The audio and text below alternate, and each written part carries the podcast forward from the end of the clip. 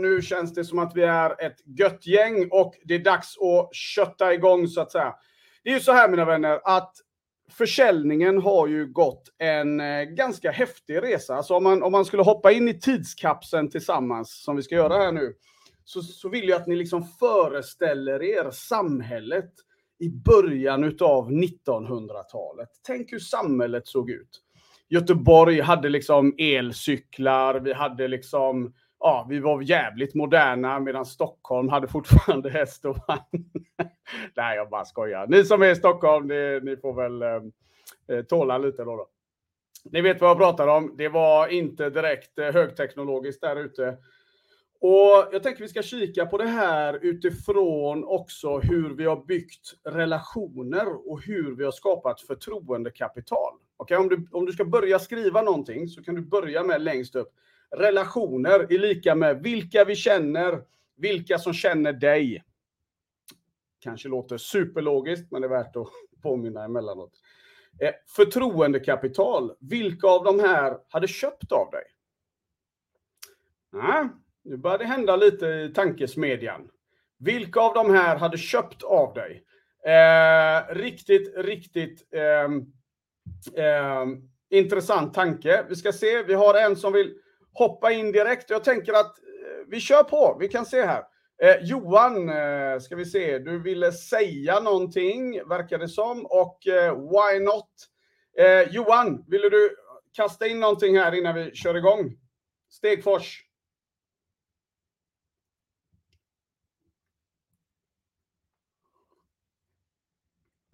Nej. Då, eh, det var kanske fel eh, knapptryckning. Inga konstigheter. Då så mina vänner, relationer. Vem, vilka känner dig? Förtroendekapital är lika med vilka av dessa hade köpt av dig?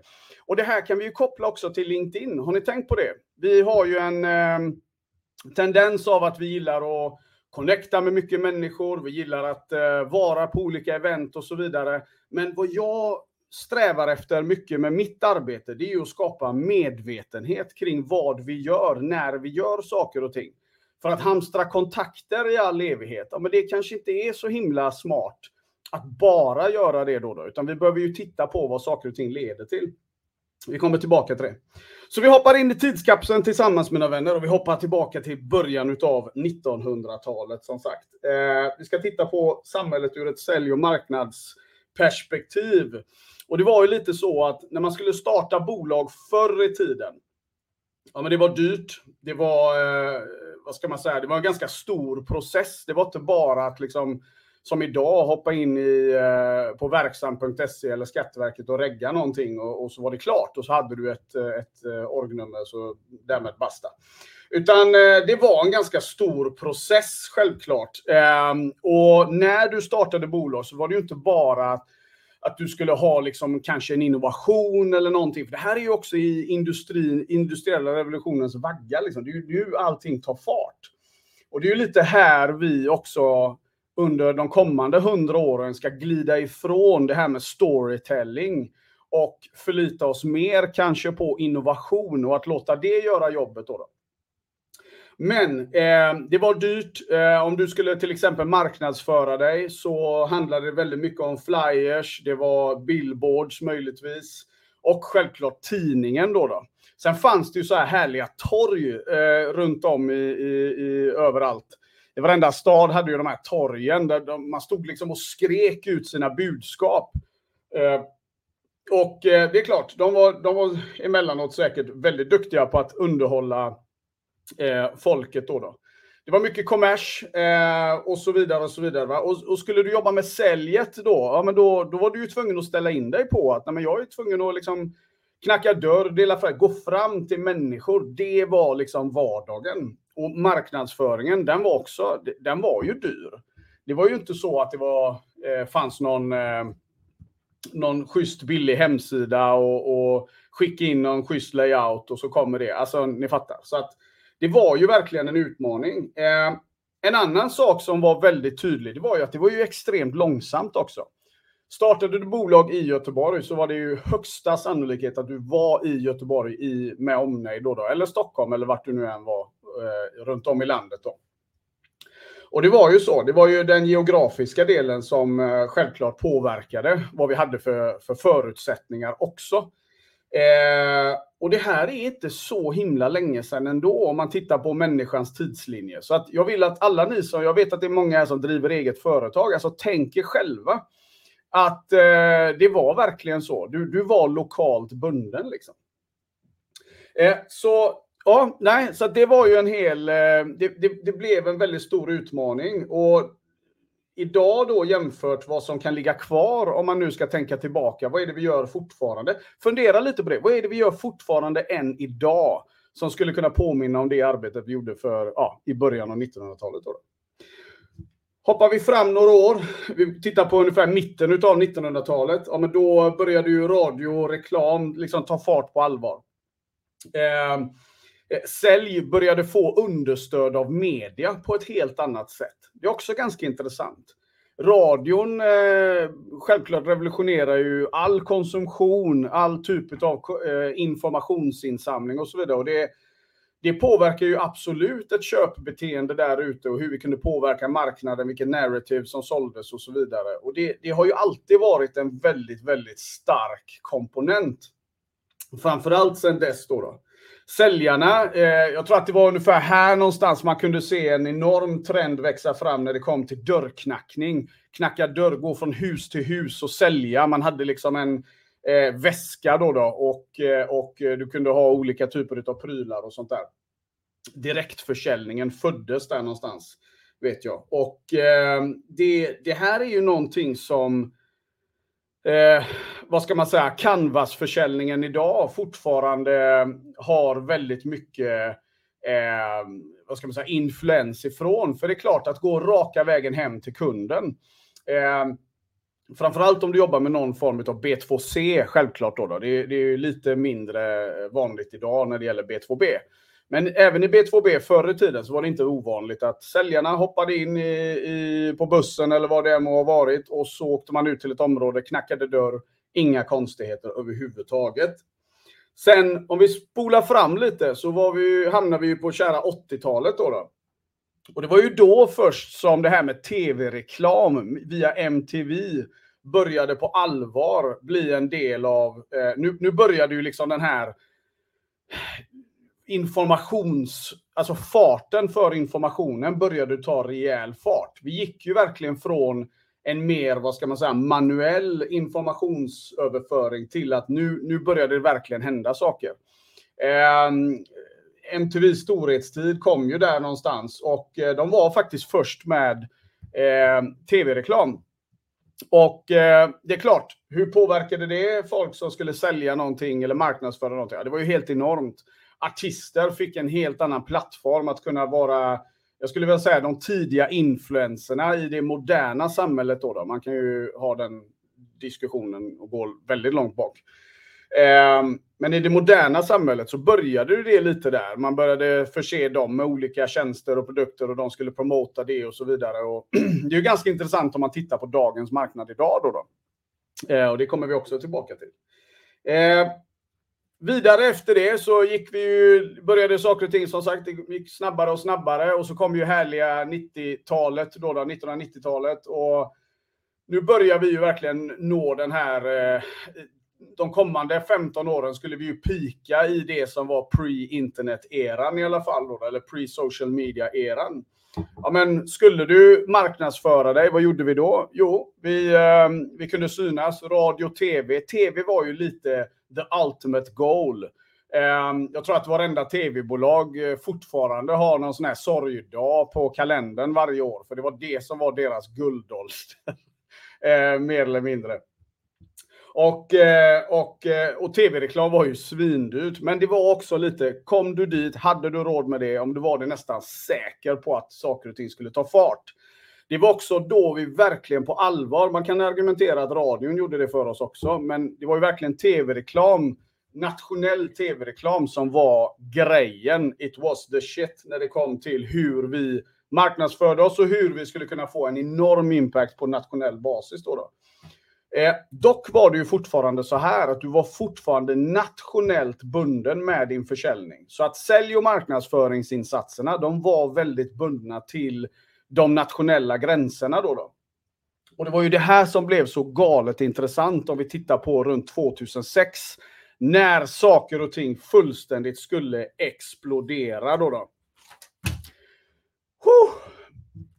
Är ni med eller förresten? Herregud, det börjar bli bra folk här inne i forumet och eh, jag vill bara se lite reaktioner. Kan jag få lite tummen upp, någon reaktion, få se så att ni är med, så ni inte sitter och sover vänner.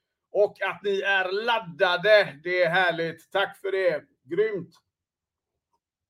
Är du ute och åker i trafiken så kör försiktigt, annars sträck på dig. Du är vacker och eh, smart också. så, vi tittar vidare nu då, då. För 2006 som sagt så small det ju till och eh, vi vet alla vad som hände. Nokia säger att eh, de där nya grejerna, det är bara en fluga. Några år senare finns de inte ens kvar. Och vi ser en enorm förskjutning, alltså förflyttningen när det gäller eh, informationsspridningen. Då, då den, den, den har ju alla det är klart att alla har varit med och sett den. Men då kommer min hook här nu. Hur blev det då med säljprocesserna där ute? Hängde vi verkligen med i vad som hände och, och, och, hur man som mest effektivt kan använda de här nya plattformarna för att kommunicera till sin marknad? En stor, stor sak som jag skulle vilja att du skriver ner någonstans. Det var här vi började på allvar gå från fakta igen. Alltså, där vi, det var egentligen nu, 14 där någonstans, som de här influencer, vad ska man säga, eh, eh, influencer-generationer, influencer-kulturen började ta fart på allvar. Då, då Och vi började se att det handlade mer om hur vi fick folk att känna återigen. Eh, man såg det på storbolagens olika reklamkampanjer. Jag kan tänka mig att om jag ställer frågan till dig som lyssnar nu. När såg du en bilreklam som på riktigt handlade om bilen senast. Och då pratar jag om att man lyfte på huven, man gick igenom, där är förgasaren, där är det och där är det. Eh, när såg du ens en sån? Kan du ens komma ihåg om du har sett en sån reklam eh, de senaste åren? Det har du garanterat inte. Och det här ser vi överallt. Storbolagen såg det här tidigt eh, och man förstod att ju mer jag får folk att känna, ju mer kommer jag kunna vinna deras, återigen, förtroende, relation. Och ju mer förtroende de har, ju större sannolikhet är det att de handlar utav mig då. då. Sen kommer vi till det här nu då att en stor förändring som skulle ske eh, nu i närtid, ja, men det undgick inte någon här heller, och det var ju det här med eh, pandemin då. då.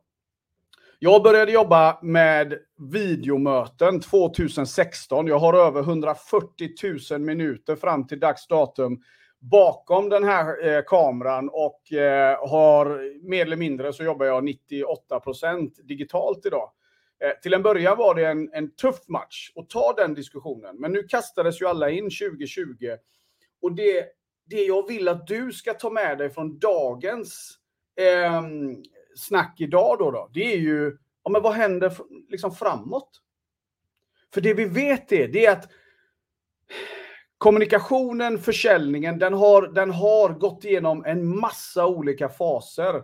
Om du driver eget företag så, är det den, så har det aldrig varit enklare och svårare att nå ut. Det har aldrig varit billigare utifrån ett eh, vad ska man säga, rent pengaperspektiv att marknadsföra din business. Samtidigt då som det är så här att det har aldrig varit mer krav på att vi behöver eh, lära oss kanske nya saker. Och det är inte någon gång, utan det är en kontinuerlig utveckling som sker.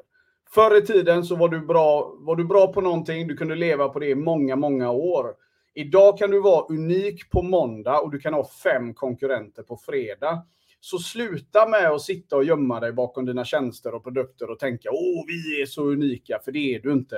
Och det är inte för att vara elak, det är för att om inte jag säger det så kommer du gå där i en illusion. Det är lite som att gå till Idol-juryn och stå och kackla och bräka och så säger någon du kan inte sjunga kompis. Jo, det kan jag, för det har mina bästa vänner sagt. Ja, byt vänner då.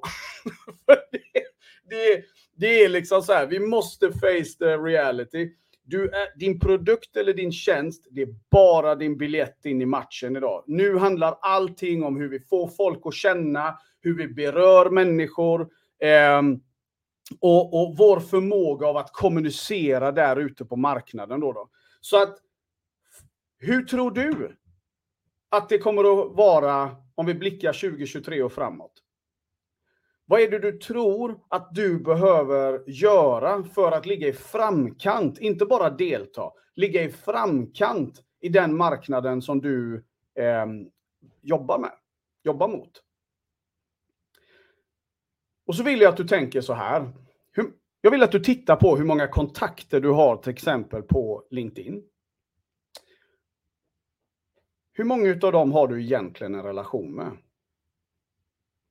Hur många av dem har du ett förtroendekapital hos egentligen? Svaret på det om man pratar ur ett businessperspektiv. Ja, det är väldigt enkelt. Hur många av dem gör affär idag? Och vänder vi på det då, då så kan man ju tänka så här. Vad är potentialen? Om du skulle kunna få 30, 40%, 30 procent, 20 procent att köpa dina tjänster i det nätverket du har byggt upp. Hur mycket mer i försäljning har du att se fram emot om du kommunicerar ut eh, rätt till de här, bygger starka relationsbroar och får ett enormt förtroendekapital hos dem? Vad skulle det innebära för ditt sälj och din business? Mina vänner, jag tänker att det är den tanken jag vill lämna dig med idag och eh, jag hoppas du skrev ner det här. Nu är det så att på eventsidan här nu så har jag under eh, kommentarer så har jag lagt en första, en länk som går till mötes